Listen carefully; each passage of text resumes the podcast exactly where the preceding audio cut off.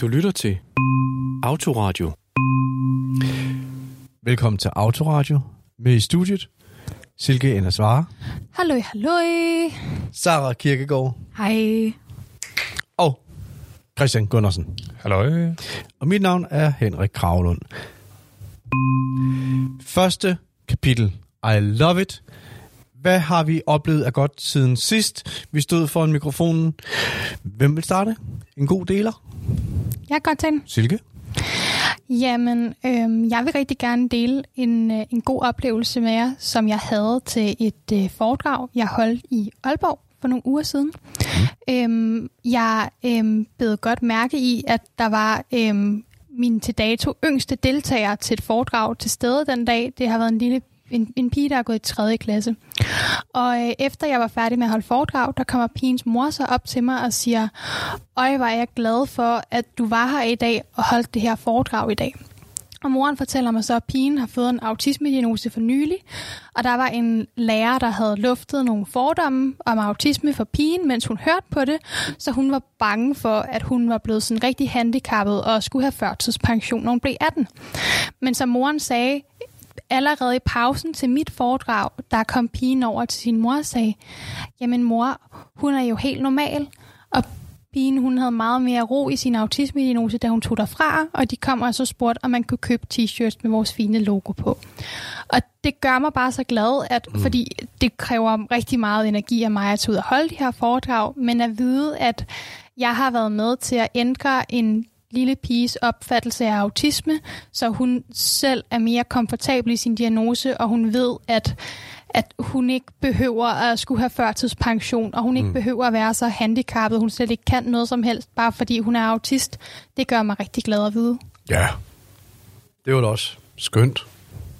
Og tillykke med den gode oplevelse, Silke. Tak. Hvem ellers? Jamen, øh, hvad hedder det? Øh, min oplevelse er ikke så menneskelig, men, øh, øh, men øh, jeg har investeret i øh, ny teknologi, og det vil sige, at jeg har investeret i solceller Uh, til en lejlighed. nej. Mm. Og du tænker måske, kære lytter, mm. hvordan kan man investere i solceller, når du ikke øh, ejer det tag? Hvilket, Ja, øh, du bor jo ikke i hus. Nej, det gør jeg netop ikke. Jeg bor netop i en lejlighed, øh, som netop et øh, øh, selskab øh, Mm. ejer, ikke? Øh, men det er fordi, jeg har fundet ud af, at man kan købe mobile solceller, som kan oplade USB-enheder, så det vil sige øh, din telefon eller dit kamera, Mm. for eksempel, ikke? Og øh, så, så nu tager jeg solenergi og prøver at oplade mine enheder den, på den måde i stedet for, for at se, om det er effektivt. Og Mm. på nuværende tidspunkt har jeg ikke testet det så meget endnu. Jeg ved bare, at det virker. Mm. Øhm, fordi jeg prøvet med min mobil og opladet den via solenergi, ikke? Men indtil videre synes jeg, det er rigtig smart at øh, have den her lidt grønne løsning, som ikke kræver, at du har sådan et kæmpe øh, solcelleanlæg Mm. på øh, dit tag for eksempel, men at du godt kan købe sådan en lille plade med solceller, hvorfra at du så kan oplade dine enheder, ikke? Okay, så næste gang, så kommer du med en mobil, øh, der består, altså der er lavet op af solenergi. Ja, det gør jeg næste gang. Nice. Okay, Mr. Green. Altså den grønne trøje i dag, ikke? Det kan Ja, lytterne selvfølgelig ikke se, men øh, Det, det er gennemgående, det her. Ja, ja, cool. ja. Ja, bukserne, de er faktisk også lidt grønne, er det ikke det? Kan man ikke kalde det? Og lidt mørkegrøn, jo. Nå, det, må, ah, det har du tænkt? Er det gennemtænkt? Ja, øh, det, det er gennemtænkt på den måde, at, øh, hvad hedder det, øh, indtil videre kan jeg jo kun gøre det med en... en Nej, jeg mener, at det er grønt. Nå, nå, nej, nej. så, sådan okay. ikke. Ah, okay, så Men du er vi- ikke sådan gået all in, kan man sige Nej. på den måde. og nu er vi ved det, så står Christian jo ikke ved den grønne mikrofon i dag. Det, Ja, ja. Det, det er grøn. Oh, Ej, ja. Oh. Mr. Green. det er og det er faktisk navnet på en eller anden casino, Ja, det, så det- det er virkelig Ja. fuldstændig off. Altså, Det, det passer jo så godt med I Love It, ikke? jo, Jo. jo, det gør det. Nå, kan du stikke den, Sara? Øh, Det, det, handler, ej, det er ikke nogen konkurrence. Det er bare, nu, øh, altså det, jeg er i gang med at skrive mit første oplæg. Øhm, og Nå, som skal- du, altså, som du skal holde for nogen? Yes. Øh, jeg ved at skrive det nu, så lige nu der er jeg nervøs, øh, men jeg skal holde det i den her måned. Øh, og jeg tror, det bliver Fedt. godt. Spændende. Du skal ikke... Ja, lad os, det, det kan vi kan vende tilbage til på et senere tidspunkt. Hvad sagde du så? Fordi det skal du da ikke sige nu, fordi så er det jo sådan en, hvad det, så er det jo sådan en spoiler for dem, der Ikke skal høre nogen det. teaser her. Mm, mm-mm. Okay. Tak for det. Så er vi nået til spørg panelet. Og kære lytter, hvis du har noget, du gerne vil spørge panelet om, eller noget, der bare skal kastes op til debat, så skriv på hejsnabelagautoradio.nu, hejsnabelagautoradio.nu. Og det er der en, der har gjort her, som at vi kalder Ja, det er i hvert fald en, som er anonym, så vi behøver ikke kalde vedkommende noget. Hej Autoradio. Tak for en god podcast. Elsker at lytte med. Mm, tak. Jeg har et dilemma, skriver spørgeren. Det er måske lidt anderledes end almindelige dilemmaer. Jeg er autist, og lige nu er jeg i en periode, hvor jeg er ekstra presset. Det kan jeg mærke på mine sanser. De bliver ekstra forstærket, og det er svært at være i. Mit dilemma opstår i, at jeg deler vaskemaskine med andre. Og der er nogen, der bruger skyllemiddel og vaskepulver med parfume i, hvilket lige nu gør det umuligt for mig at vaske mit tøj, fordi lugten sidder i maskinen, også selvom jeg skyller maskinen igennem. Kan jeg godt sætte en seddel op og spørge, om de vil stoppe med at bruge parfume, når de vasker tøj? Eller er det at bede om, at folk tager for meget hensyn? Og i parentes, og hvor meget hensyn kan man bede folk om at tage? Jeg ønsker jo ikke at være til besvær og fylde for meget. Ja, jeg vil jo allerhelst bare gerne passe ind, eller passe ind. Samtidig så føler jeg faktisk, at hele mit liv har handlet om, at jeg skal tage hensyn til andre, uden at få noget tilbage. Og jeg har brug for at kunne vaske mit tøj igen. Det er dog også svært at bede om. Og det er jo heller ikke sikkert, at de vil ændre deres vaner. Så hvad synes panelet, jeg skal gøre? Selvom det altid er svært for mig sansemæssigt med indtryk fra, fra, fra, fra parfume i vask, så kan jeg normalt godt rumme det. Det kan jeg bare ikke længere. Det hele er ekstra hårdt lige nu, og mine sanser flipper ud. Vil jeg kunne bede om, at det for eksempel er en at for eksempel det er en måned, at folk ikke bruger parfumerede ting til deres vask, så jeg kan få ro på mit system. Med venlig hilsen, Marie. Og lige en, en bonusinfo, det er, det er ikke en, det er ikke et offentligt vaskested. Altså det er sådan et, et, et det, det er begrænset til nogle, nogle, nogle få øh, personer. Og, og, og Marie her har ikke mulighed for at, at have sin egen vaskemaskine. Ja. Christian? Altså, jeg har nok sådan lidt, hvis der er noget, der påvirker en i ens hverdag, uanset om man er autist eller ej, så ser jeg ikke noget problem i, at man har, øh, altså, har en seddel øh, stående, hvor man lader som i form af en øh, forspørgsel om, hvorvidt folk ikke måske kunne ændre deres vaner i en periode. Fordi jeg synes selvfølgelig, der skal være plads til alle, uanset deres forskelligheder. Øhm, især også, når det kommer til sådan noget, som påvirker ens sanser, fordi jeg ved ja. Da også udmærket godt, hvor meget det kan påvirke ens hverdag. Så din pointe er, at hun skal slet ikke tænke på, hvorvidt hun er autist eller ej. Altså, det er jo bare et, et, et helt rimeligt spørgsmål. Eller ting at bede om. det, jeg synes, det er rimeligt at spørge om det, selvfølgelig. Der er forskel i, kan du, har du en seddel hængende med på døren, så skal man selvfølgelig, øh, vil jo nok sige, at øh, venlighed altid er en god ting. Men hvis du kan tale med nogle af de personer, som mm. bruger parfume, altså for eksempel, hvis hun nu kommer ned det samme tidspunkt, hvor hun ser nogen, der bruger parfume, lad os sige, Ja. ja. i deres vaskemiddel, ikke? så kunne man jo godt have en øh, lille sludder, for Ja. eksempel, lige tale om. Men du, men du, men du siger, at, at det kunne hun jo gøre, uanset om hun havde autisme eller ej.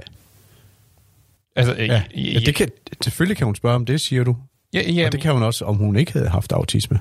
Det var sådan, jeg hørte dig sige det. Ja, jeg, Ja. me- jeg mener jo godt, Ja. ja. man sagtens skal spørge, men Ja. ja. selvfølgelig, der er nogle andre hensyn, øh, når man er autist, og det kan nogle gange være lidt svært at, at finde den løsning. Mm.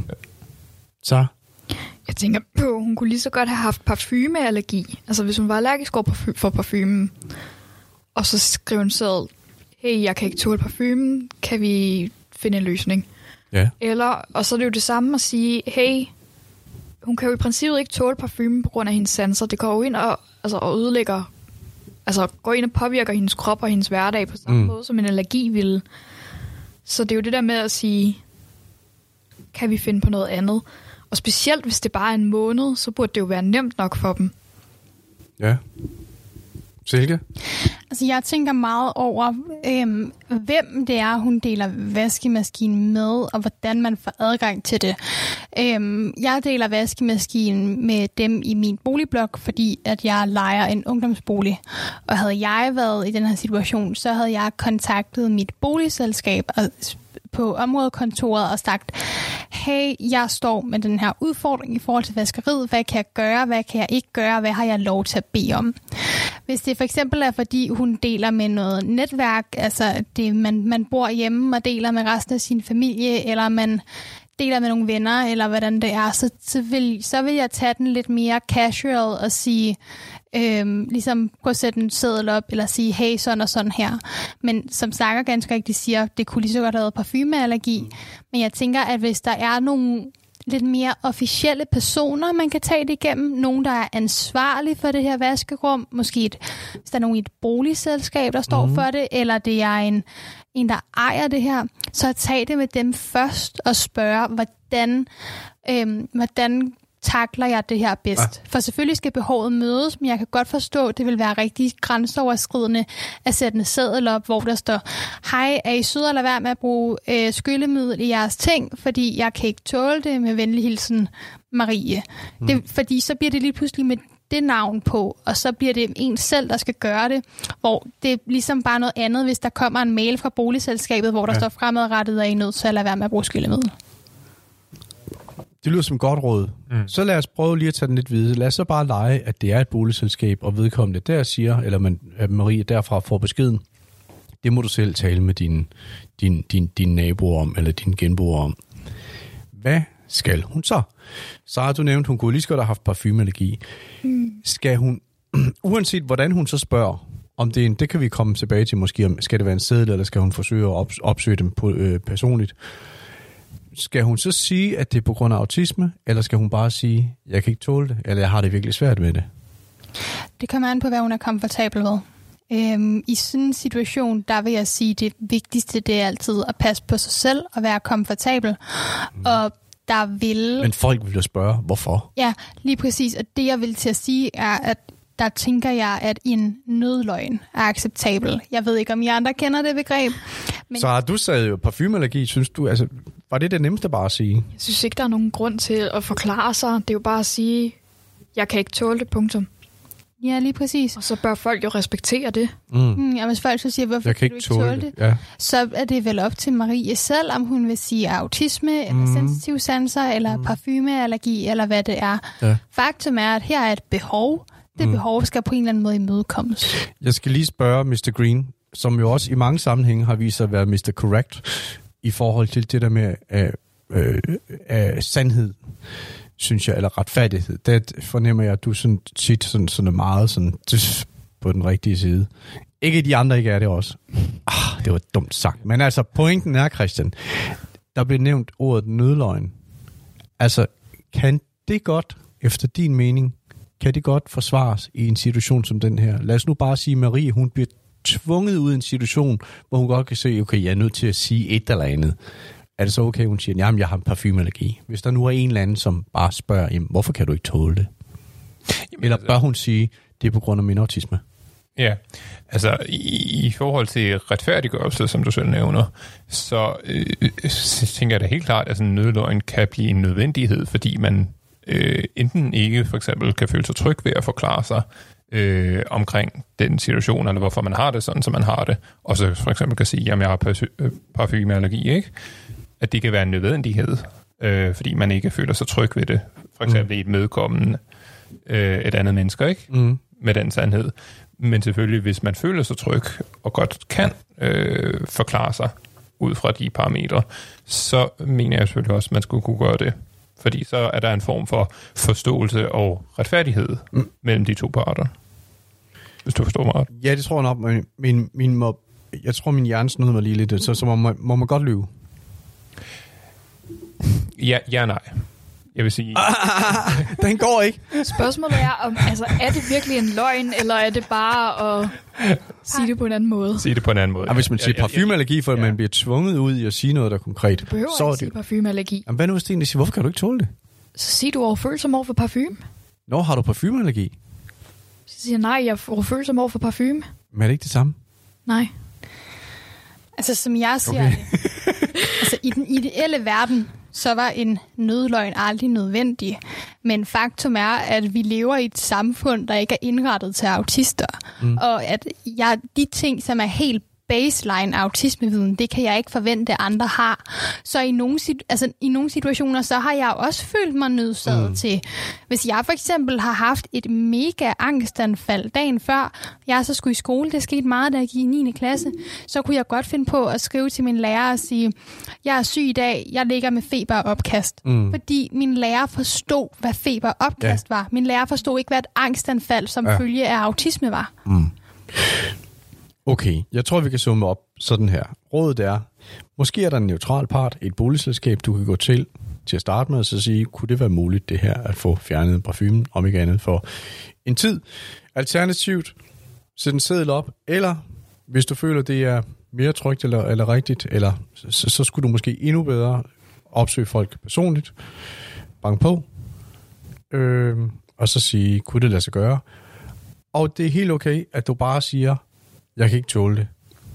Og jeg hører også panelet sige, at hvis det så er, du føler dig trængt op, at du er nødt til at sige hvorfor, så er det også okay at komme med en nødløgn. Så behøver du ikke at sige det på grund af autisme, hvis, det, hvis du ikke har lyst til at sige det.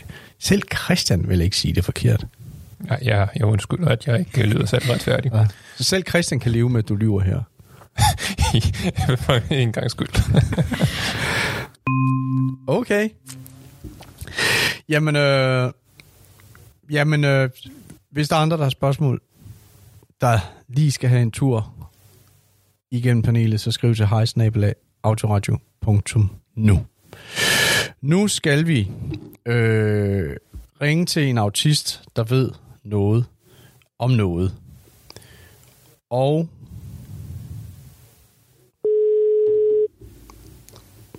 han hedder Hallo? Hallo, hvem er det? Det er Alexander.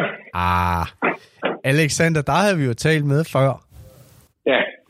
Velkommen i studiet. Ja, tak. Altså, virtuelt. Altså, Alexander, du ved jo en masse om fortiden, og ja. Det har vi hørt om de sidste to programmer. Ja. Øhm, og øhm, så tænkte jeg, lad os lige flippe den, og så mm. sige, med din viden og med øh, panelets øh, viden, så lad os få en snak om, hvad med fremtiden? Øhm, øh, øh, hvordan øh, lever verden med autisme i, øh, i 2050? Øh, mig, jeg der tænker, jamen, ja. Det, det, jeg spørger både dig og panelen. Jeg kunne godt tænke mig at høre dig først. Øhm, hvordan, Ja, vil, men- hvordan tror du, at autisme vil blive opfattet i 2050? Eller er der overhovedet nogen, der gider tale om autisme? Øhm, altså, man skal altid være på paste med sådan, ja, nu er jeg jo historiker, så jeg ved, man skal være på paste med at uh, spore om fremtiden, fordi man tager jo altid fejl, stort set, ikke? Jo, men her Men, bliver du øhm, simpelthen tvunget til det, Alexander. Ja, jeg ved det. Men jeg tænker, øh, jeg tror, man går mere over i at, at tale om mere om neurodiversitet, og måske øh, endda begynder det at blive sådan lidt mere... Øh, altså, jeg tror næsten, det er lige før, man, man kunne finde på at afskaffe nogle af de der diagnoser der. Hvorfor? Øh, jamen fordi så tror jeg, man vil, man vil gå over mere og, og behandle på andre måder. Eller sådan, man, vil, man vil stoppe med at se det som sygdom, og, og så se det som mere sådan, som diversitet, eller, eller sådan, sådan udfordringer socialt, mere end det sådan er Ja. sådan lægevidenskabeligt problem. ja. Hvad siger I andre til det her i studiet? Altså, øh, giver, giver det mening? Lyder det øh, som en plausibel fremtid? Ja, Silke? Altså hvis man kigger på, hvordan man har set på LGBTQ plus community de sidste mange år, der er vi jo også gået fra, at øhm, homoseksualitet, det var helt ulovligt tilbage frem til 1930'erne, så blev det lovligt, så blev registreret partnerskab lovligt, transkønnethed er blevet fjernet fra listen over sygdomme. Øhm, der opleves selvfølgelig stadig had og diskrimination, det benægter jeg ikke. Jeg siger bare, hvis man kigger på, hvordan udviklingen er gået de sidste 50 år, så er det trods alt gået den rigtige vej. Og jeg forestiller mig, at i hvert fald med sådan, øhm, sådan som autisme, at der kunne jeg godt forestille mig, at det gradvist så går hen og bliver mere en, øhm, en ident, set som noget identitet og nogle, og en anderledeshed frem for en sygdom og et problem, mm. ligesom man gjorde med homoseksualitet eller transkønnethed øh, frem til for nylig. Christian, du har et indspark? Øh, ja, jeg vil også bare lige øh, med en bemærkning komme med at sige, at jeg tror helt klart, at øh, accept bliver en stor øh, forskel i fremtiden. Mm. For, altså accept i forståelse af, at vi er alle sammen forskellige. Men der skal også være plads til, at vi alle sammen er forskellige. Mm. Og det tror jeg i endnu højere grad øh, er en del af fremtiden, når vi øh, kigger blandt andet på øh, autister, ikke? Ja.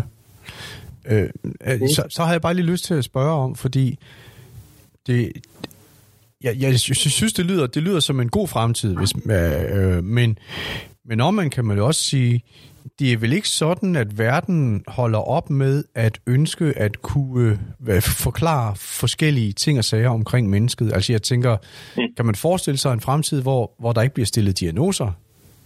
Eller, eller bliver der så bare stillet nye diagnoser, eller lavet nye forklaringer ind i eksisterende diagnoser? Har du et bud på det, Alexander? Jamen, jeg tror, øh, jamen, det er et godt spørgsmål. Jeg tænker, der kommer jo til, helt klart, autister, vi autister har jo mange udfordringer, også psykisk og altså sygdomsmæssigt, men det er jo sådan, der er mange komorbide øh, tilstanden og meget sådan indover, ikke? Ja, det der, der og komorbid, det betyder, Ja. at man har andet end Ja. autisme. Et andet Præcis. af handicap end Og, autisme. og, for, og fordi man er autist, kan man jo også blive nemmere stresset, angst eller deprimeret. Og, og jeg tror, man vil gå mere over i at prøve at behandle de ting, frem for at man, altså lige i dag, at man jo allerede på vej derhen. Men Ja, at, øh, ja. at man, man simpelthen ikke, man vil ikke prøve at behandle autismen, men man vil prøve at behandle alle de andre ting udenom. Det er jo det samme. Det kan man jo også se med transkønnede eller homoseksuelle. De har jo også større tendens til at blive øh, diskrimineret, og derfor har de også større tendens til at blive angst, eller deprimeret, eller øh, stresset. Og det er jo, der, der kurerer man, eller prøver man jo ikke at behandle, at de er homoseksuelle eller transkønnede. Der prøver man jo at behandle deres udfordringer. Ikke? Ja. Øh, det tror jeg helt klart, at man vil prøve at gå over i, i den retning med autisme også på en, en dag. Ja, Silke har lige... Øh, Man kan jo også håbe, at øh, graden af komorbiditet, man ser hos autister, den bliver nedsat i kraft af, at vores samfund forhåbentlig bliver mere og mere rummeligt. Altså man kan sige, øhm, der bliver jo lavet nogle politiske tiltag og bliver råbt op omkring nogle ting nu, der virkelig er med til at øh, i hvert fald sætte fokus på nogle ting og rykke på nogle ting. Og jeg håber lidt, at den snibbold-effekt, vi starter nu, gør, at om 30 år, så er vi et meget bedre sted i forhold til handicappolitik, socialpolitik, Mm. med autisters behov, ikke? mm, Sara? Mm-hmm. Jeg tror helt sikkert også, hvis man sådan kigger på det ideelle i forhold til den udvikling, vi ser nu, så kommer det jo til at være noget med, at folk får øjnene op for, hvad er autisme, og de følger, der er autisme, fordi det er jo noget, der kommer hos almindelige mennesker. Det, det er hurtigere at se stress hos en med autisme, end en uden. Så senere kommer vi til, på grund af autismen og neurodiversiteten, at have fokus på det generelt i befolkningen. Så det bliver noget med, at vi har øh, en fremtid, hvor det måske ikke hedder autisme, men vi har større neurodiversitet. Vi ser folk som Mm. forskellige og har fokus på alles mentale helbred og alles behov. Du, øh, jeg, kan, jeg kan høre, du nikker, Alexander. Er det rigtigt? Ja, kan man det? Jamen, jeg Du lytter. sagde sådan, du sagde sådan en mm, lyd, som jeg mm. i hvert fald Ja. kender som Nå, okay, det kan man godt høre. Skide godt. Jeg, jeg, nikker, jeg nikker genkendende til det, Sarah siger. Okay, Silke? Altså, jeg plejer lidt at sige, at øh, autister er for samfundet, hvad kanariefuglene var for mine arbejderne, ikke? Det, øh, vi er forsøgskaninerne, og det er os, der er mest sårbare. I, i den analogi, mm. jeg sammenligner med, det er, at øh, tilbage i mine arbejdstiden, der man tog en kanariefugl med ned i minen, fordi kanariefuglene var sensitiv for iltmangel, så når mm. kanariefuglen faldt om, så skulle man skynde sig op, fordi nu var der snart ikke mere ilt tilbage. Yes. Og der kan man sige, der er ude på arbejdspladserne, ude i folkeskolerne osv., der er vi jo lidt samfundets kanariefugle, fordi vi er ekstra sårbare, vi mm. tager tingene ind. Det er os, der ryger ned med angst eller stress først. Ja. Men man kan jo se, at fordi politikerne ikke har taget de her advarselstegn alvorligt, så er det jo en hel generation af unge mennesker, der, hvor at det kræftet med næsten er, hvad er det, vi er på? Hver femte, der har stress eller angst eller generation eller Mm. mm. depression for den her Mhm. generation. Mhm. Det er helt sindssygt. Øh, og, og så siger du så noget med arbejdsmarkedet, og jeg tror også, du sagde uddannelsessystemet. Så må jeg lige vende mig om til Christian og sige, fordi øh, det er noget, du har med at gøre via dit ambassadør, din ambassadør titelopgave hos øh, Klar til Start, som jo øh, øh, øh, øh, øh, sikrer jobs til personer med autisme. Ja. Så i en fremtid, i 2050, hvis vi har fået, hvad skal man sige, elimineret diagnosen autisme, fordi det, der, det er andre ting, man kigger på, øh, øh, altså nogle konkrete problemer, eller hvad skal man sige, som, som, som kan ligge hos alle mennesker.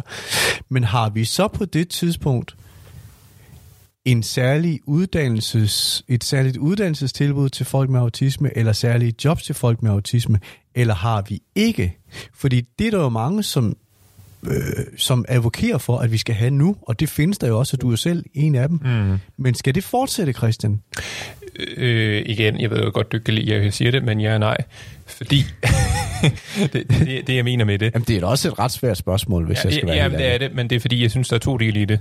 En ting er, at jeg synes, at ja, der skal både være uddannelse og jobmuligheder for øh, autister i samfundet, hvor der specifikt er arbejde eller, øh, hvad skal man sige, forløb til dig, øh, mm. så du øh, der, der bliver taget hensyn til dig med andre ord, ikke? Mm. Og man finder ud af, jamen, hvad er det, du kan med dine evner, ja. øh, når du så mm. egentlig kommer ud på arbejdsmarkedet, ikke? På den anden side, så har jeg det også sådan lidt, hvis du har store drømme, og du ved, du kan meget, og der er meget lidt, der øh, begrænser dig i virkeligheden, mm. så skal, din drømme, skal du også bare følge din drømme. Altså, øh, uddanne dig til akademiker, hvis det er det, du har lyst til, ikke? Mm. Altså, der, der skal du ikke lade samfundet begrænse dig, fordi at du føler, at der er noget, der holder dig tilbage så skal du selvfølgelig have lov til at flyve. Yes. Men det, det, det er sådan en sammenligning af begge dele, jeg godt kunne tænke mig ja. i fremtidens samfund, ikke? At der er mulighederne, hvis du øh, gerne vil lige have en ekstra hjælpende hånd for at komme ud på arbejdsmarkedet, men du skal selvfølgelig også kunne stå på egen ben, hvis det ja. du har lyst til. Det tror jeg godt, jeg forstår egentlig. Og den der, lad os så bare sige, i 2050 skal der så være en, en, en særlig mulighed, som hedder, hvis du har autisme, eller skal, skal der bare være en særlig mulighed, mulighed, der hedder, hvis du på en eller anden måde er neurodivers? Og det skaber en udfordring for dig. Jeg ved ikke, om jeg vil bruge det udtryk i 57, men måske sådan mere en generel forudsætning, der hedder, hvis jeg har brug for ekstra støtte, okay. så har yes. jeg der en mulighed for dig. Ja. Okay, ja, okay, ja. Altså, fordi selvfølgelig, at det bliver øh, på grænsen til at være måske lidt nedgørende, hvis man udelukkende siger, at det skal være nivde. Åh, oh, ja. Ja, ja. Yes. Øh, Alexander, så skal lige sige noget, så skal vi snart høre dig igen, for jeg har lige ja. flere spørgsmål. Ja. Mm. Øh, jeg tænker også, at det bliver noget med, vi snakker jo allerede nu om at lave arbejdsuger om til, at vi måske har en fridag midt på ugen, eller vi har færre arbejdsdage i træk, og generelt sådan noget. Det er jo sådan noget, der kommer til at gøre, at der er mere plads til autister på arbejdsmarkedet. Bare det, at vi havde corona, har gjort, at, øh, at vi mm. har opdaget, hov, vi kan finde ud af at arbejde hjemmefra. Ja. Så det giver jo plads til neurodiversitet, og det kommer jo til at gøre, at der kommer flere på arbejde. Mm. Mm. Ja. Ja, det er rigtigt. Silke, havde du et indskud? Eller? Ja, ja. Altså, i, den, I den ideelle verden behøver vi ikke særlige jobs til autister. I den ideelle verden så er alle jobs lavet på en måde, så de er tilgængelige for autister. Jeg tror ikke, vi er der i 2050, mm. men jeg tror, vi er tættere på. Blandt andet med tiltag som øh, fridag midt på ugen, måske nogle færre, måske færre timer i arbejdsugen. Det kan være, at vi kommer mm. hen på en 30 timers arbejdsuge der. Mm. Mere arbejde hjemmefra, at man ligesom udnytter de, de her muligheder, der er for at imødekomme medarbejderens ja. behov, ikke? Alexander, øh, øh, sidste gang, der hørte, eller de to sidste gange, der har vi jo hørt om, om for eksempel nogle danske kvinder, har du fortalt mm. os om, som har gjort rigtig meget for, øh, på hver deres måde for, for ja. særligt børn med autisme. Øh, og, og, og de opererede jo netop i en tid, hvor folk de vidste meget, meget lidt om autisme. Ja. Øh, hvis vi skal derhen, hvor vi taler om et 2050, hvor du siger, at det kunne måske være, at vi er der, hvor man ikke bruger den diagnose længere. Altså, så, hvordan forestiller du dig så, at ja, han har sagt, verden skal, skal, skal blive klædt på? Altså, kommer der uddannelse? Kommer, kommer det ind som en del af folkeskolens undervisning i biologitimerne, eller, eller hvad pokker ved jeg, at man kommer til at lære meget, meget mere om neurodiversitet? Jamen, det, det er et godt spørgsmål. Jeg, jeg har jo selv gået og tænkt en del over det her med, at øh, hvis man afskaffer, afskaffer diagnoserne, hvor kommer så legitimiteten fra, at man er neurodivergent, for eksempel? Ikke? Øh, hvis det ikke er en læge, der ordinerer en diagnose, kan, så kan man jo også bare påkalde sig, altså sige, som jeg, jeg identificerer mig som neurodivergent eller som autist. Ikke? Jeg kender jo også nogen, der nogle gange siger, ej, jeg er også en lille smule autist eller et eller andet. Ikke? Mm. Og øh, det er jo også interessant det her med, hvor, hvor, hvor trækker vi ligesom grænsen, eller hvor siger vi ligesom, hertil og ikke længere. Øh, også fordi der er jo en del arbejdspladser og et kæmpe altså uddannelsesapparat kun til at uddanne pædagoger og lærere i autismeområdet og, og læger osv. Mm. Øh, så det bliver svært at lave om på hele det maskineri. Men jeg forestiller mig, at, at det, der sker i fremtiden, det er, at, øh, at, at vores samfund på en eller anden måde skal blive, eller bliver mere rummeligt over for andre måder at tænke og udtrykke følelser og tanker på. At, at, der, at, at selvfølgelig er der jo stereotyper om også autister, at vi er snorlige, men det er jo egentlig også meget neurotyper, der tit er, har en snorlig verden, ikke? og at de passer igen. At, ja. at på en eller anden måde, så skal grebet løsnes lidt mere, øh, for at der bliver plads til at være anderledes på arbejdspladsen ja. eller ude i, i verden. Ikke? Men Alexander, øh, kan den udvikling komme af sig selv? Kan den udvikling komme af sig selv, eller er der, eller er der brug for, at man ligesom får, får proppet noget mere viden ind i, ind i os alle sammen, for eksempel for folkeskolen med noget undervisning? det, det, det kunne godt være. Det kunne godt være. Jeg synes da helt klart, det kunne være en fed idé, det her med, at uh, i, i folkeskoleundervisning er undervise i, at der, er, altså, der er andre måder at være menneske på, end bare den her. Uh, og det gælder jo så ikke kun autister, men det kunne også være uh, seksualitet eller, mm. eller kønsudtryk osv. Alt det der, det, kunne jeg, det synes jeg da ville være en fed idé. Mm-hmm. Silke? Altså jeg tænker også, der er noget, noget, noget vigtighed i, at man kan sige, at vi allerede nu, der snakker øh, undervisningsministeren jo om, at specielt pædagogik skal være et, et krav på læreruddannelsen, fordi der lige er landet en inklusionsrapport, der sagde, at inklusionen virker ikke. Øhm, og det, jeg, noget af det, jeg også tænker er vigtigt, det er, at vi får uddannet autister selv i at fortælle sine historier, sådan så at vi får indefra perspektivet meget mere på banen, for jeg tror, at et indefra perspektiv på autismeproblemer kan løse mere og skabe bedre løsninger, end udefra perspektivet kan. Mm. Der har vi jo set særligt hen over de sidste 5-10 år, at Flere har fået autisme-diagnoser. Autister er blevet bedre til at organisere sig. Man begynder at mm. anerkende autistiske stemmer i autisme-debatten. Hvis den udvikling fortsætter, så håber jeg, at det kan være en, øh, en opadgående eksponentiel acceleration, at når først vi er nogen, der har trådt skridtene, så er der flere, der tør gå med. Flere autister udtrykker mm. deres behov, viser forskellige former måder at være autist på, og så rykker vi ligesom på den måde. Mm. Ja. Altså en ting, jeg tænker, øh, med min neurotypiske hjerne, det er jo så i gamle dage, som du har fortalt det som, Alexander, der, ja. blev, øh, der blev folk, som, som havde en, en anden, øh, øh, som, som var neuroatypiske, de, de ja. blev ligesom sådan placeret et andet sted ja. end alle andre, hvis man kan sige det sådan. Fordi, Jamen, det er helt korrekt. Fordi man kan sige, at, at uddannelsessystemet, det, det var simpelthen for ineffektivt, hvis det skulle rumme alle, hvis man kan sige det sådan rigtig hårdt. Eller det kunne ikke rumme alle, ja. og der var brug for også en, en vis effektivitet i uddannelsessystemet. Det kan man jo tale om stadigvæk, og det er jo også derfor mm. nogle gange folk de siger, at den her inklusionstanke, øh, den måske sådan har været, der har måske været sådan, altså inklusionen har ikke virket så godt i folkeskolen, som vi havde håbet på. Måske, og, altså, med andre ord, folkeskolen underviser ikke så effektivt med, med, med den bredde, den, den, den, den gerne, den, man gerne vil have, den skal have. Mm. Øhm, hvis vi får udfisket de her diagnoser, Alexander, ja. kan man så også kan man så også udviske de her skæld i, i, i folkeskoleklasserne? Kan det lade sig gøre, tror du? Og også til panelet, kan det virkelig lade sig gøre at lave en folkeskole, der kan rumme alle neurotyper i de samme Ej, det, klasser? Eller hvordan deler det, man så det op i forhold til, at folk de har det bedst muligt? Der bliver markeret herinde, men du får lige lov til at svare først, Alexander. Jamen, jeg tænker, jamen, nej, det, det, tror jeg, det tror jeg faktisk vil gøre det. Så er det jo lidt sådan at skubbe ting under gulvtæppet, ikke? Så hvis der ikke er nogen, der er nogen diagnoser, så er der heller ikke et problem. Eller sådan.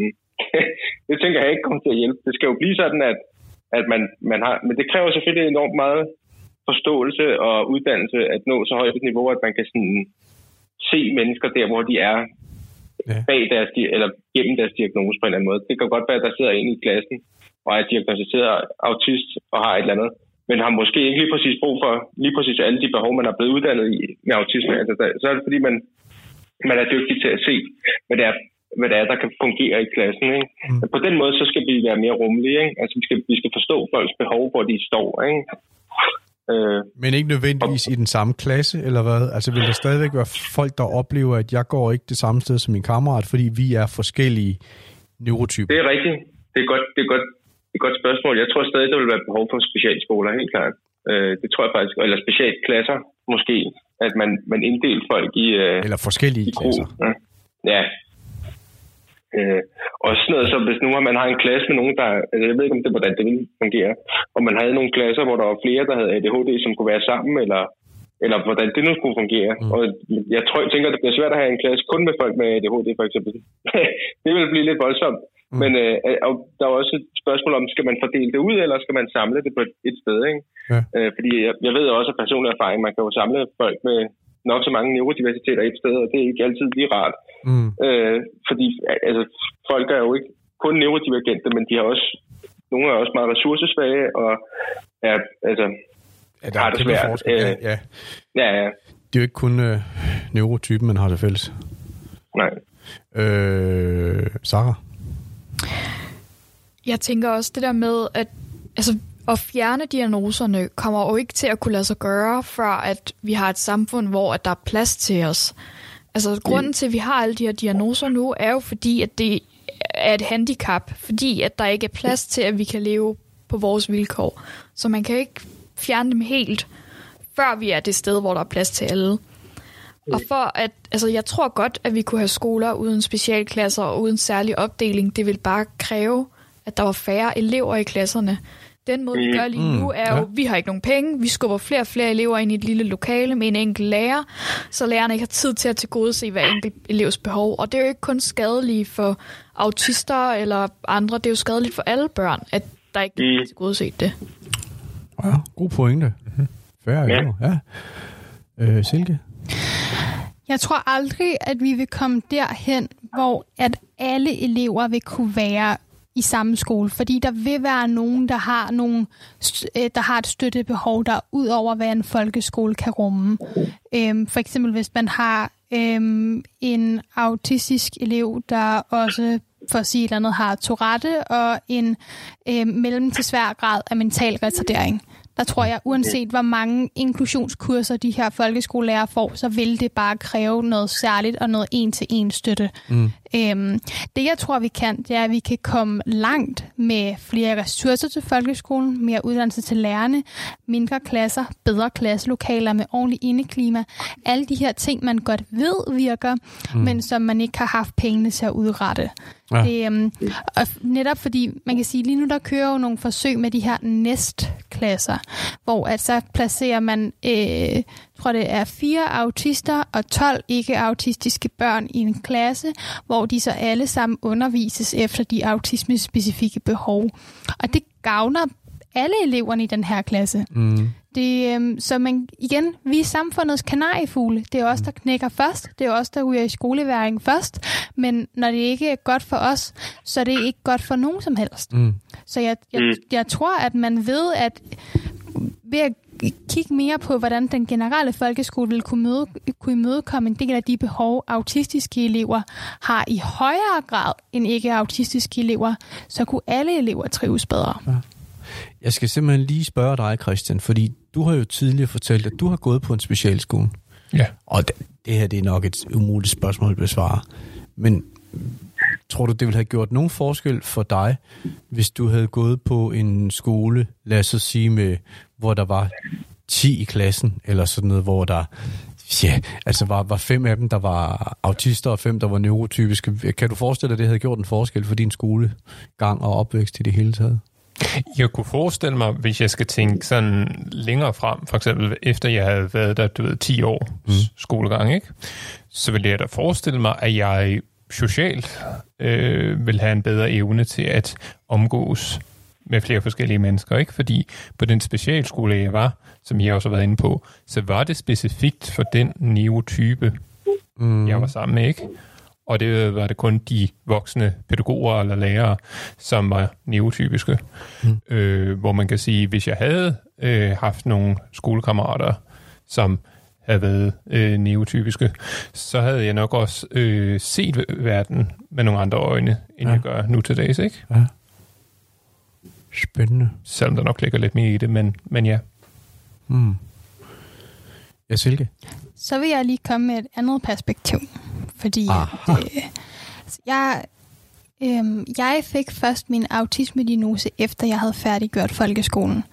min udredning startede en snibbolddefekt i min familie. Mm. Den yngste af mine brødre er 12 år yngre end jeg er, så da jeg fik min diagnose som 16-årig, betød det, at han kunne få sin diagnose som 4-årig. Mm. Han går på specialskole og har gået på specialskole fra dag 1 af, hvor han bliver mødt i sine behov, og han trives meget bedre i skolen, mm. end jeg nogensinde gjorde. Han har meget mindre fravær, end jeg nogensinde har haft. Og han er bare, altså han er glad, når han kommer hjem. Men spørgsmålet er så også, om kunne han have været lige så glad, hvis han gik i en skole, hvor der var fem med han, som er hans neurotypiske Altså, hvis det kun- type, og fem, øh, altså, Altså, hvis det- øh, fem neurotypiske. Hvis det kun var 10 elever ja, i præcis, klassen, som jeg også det, spurgte jeg, Christian om. det ja. tror jeg godt, han ville kunne. Ja. Det er et større problem, når vi er oppe i 25 Jamen, elever jamen, i klassen. akkurat. Ja, ja. Det vil han ikke kunne. Jeg, jeg prøver i virkeligheden bare på at, at køre Saras tanke til enden og sige, hvis, hvis klasserne var meget, meget mindre, så var diversiteten jo også nemmere at, at, at, mm. at håndtere. Christian? Ja, ja, og det, det vil jeg også bare lige sige til, øh, for en ikke genkendende til, øh, Mm. hvad det, Silke, at specialskolerne, som jeg allerede har, fungerer rigtig godt, og det er også mit indtryk, de fungerer rigtig godt for øh, størstedelen, der er der, ikke? Bare, bare sådan en gen- genkendende kommentar. Ja, Sara?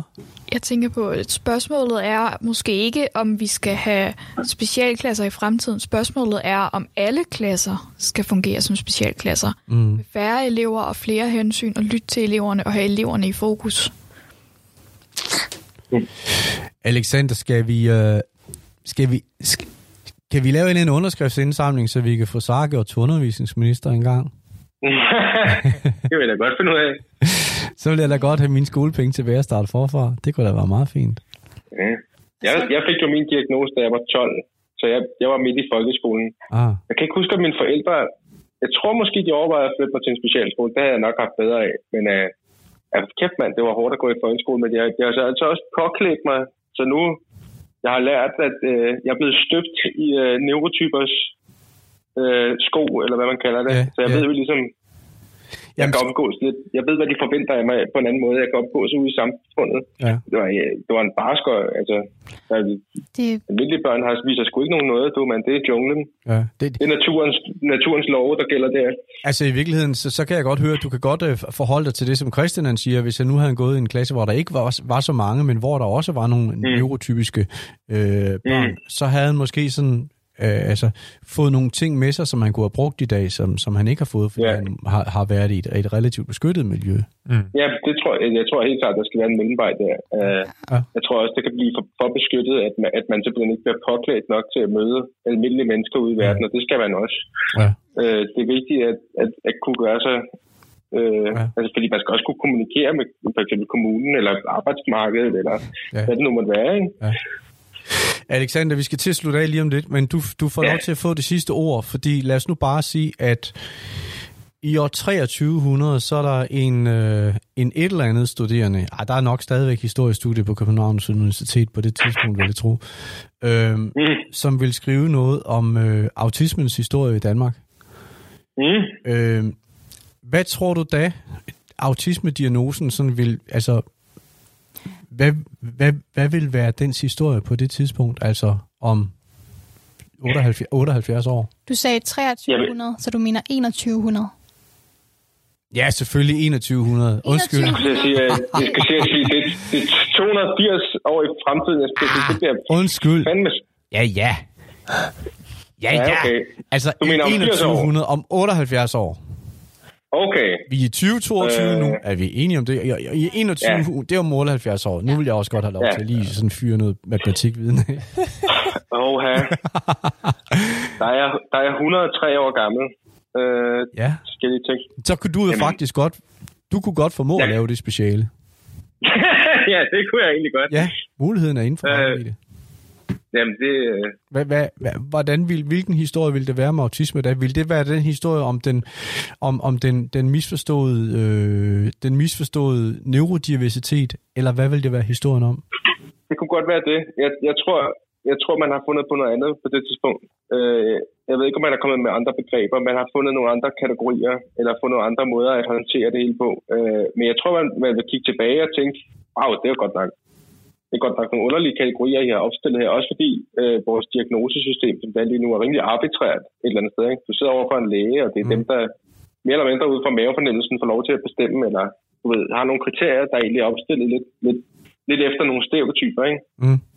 Det kan godt være, at øh, i fremtiden, så ved man meget mere. Altså derfor så er kategorierne, de er bundet op på nogle andre parametre, øh, biologisk eller Ah. socialt, eller Ja. hvad, det- hvad det nu måtte være. Ikke? Mm. Så, det- så det kan godt være, at diagnosen, eller hvordan man nu kategoriserer, er mere enten mere stringent, eller den er mere sådan målrettet efter nogle andre meget specifikke ting, tænker jeg.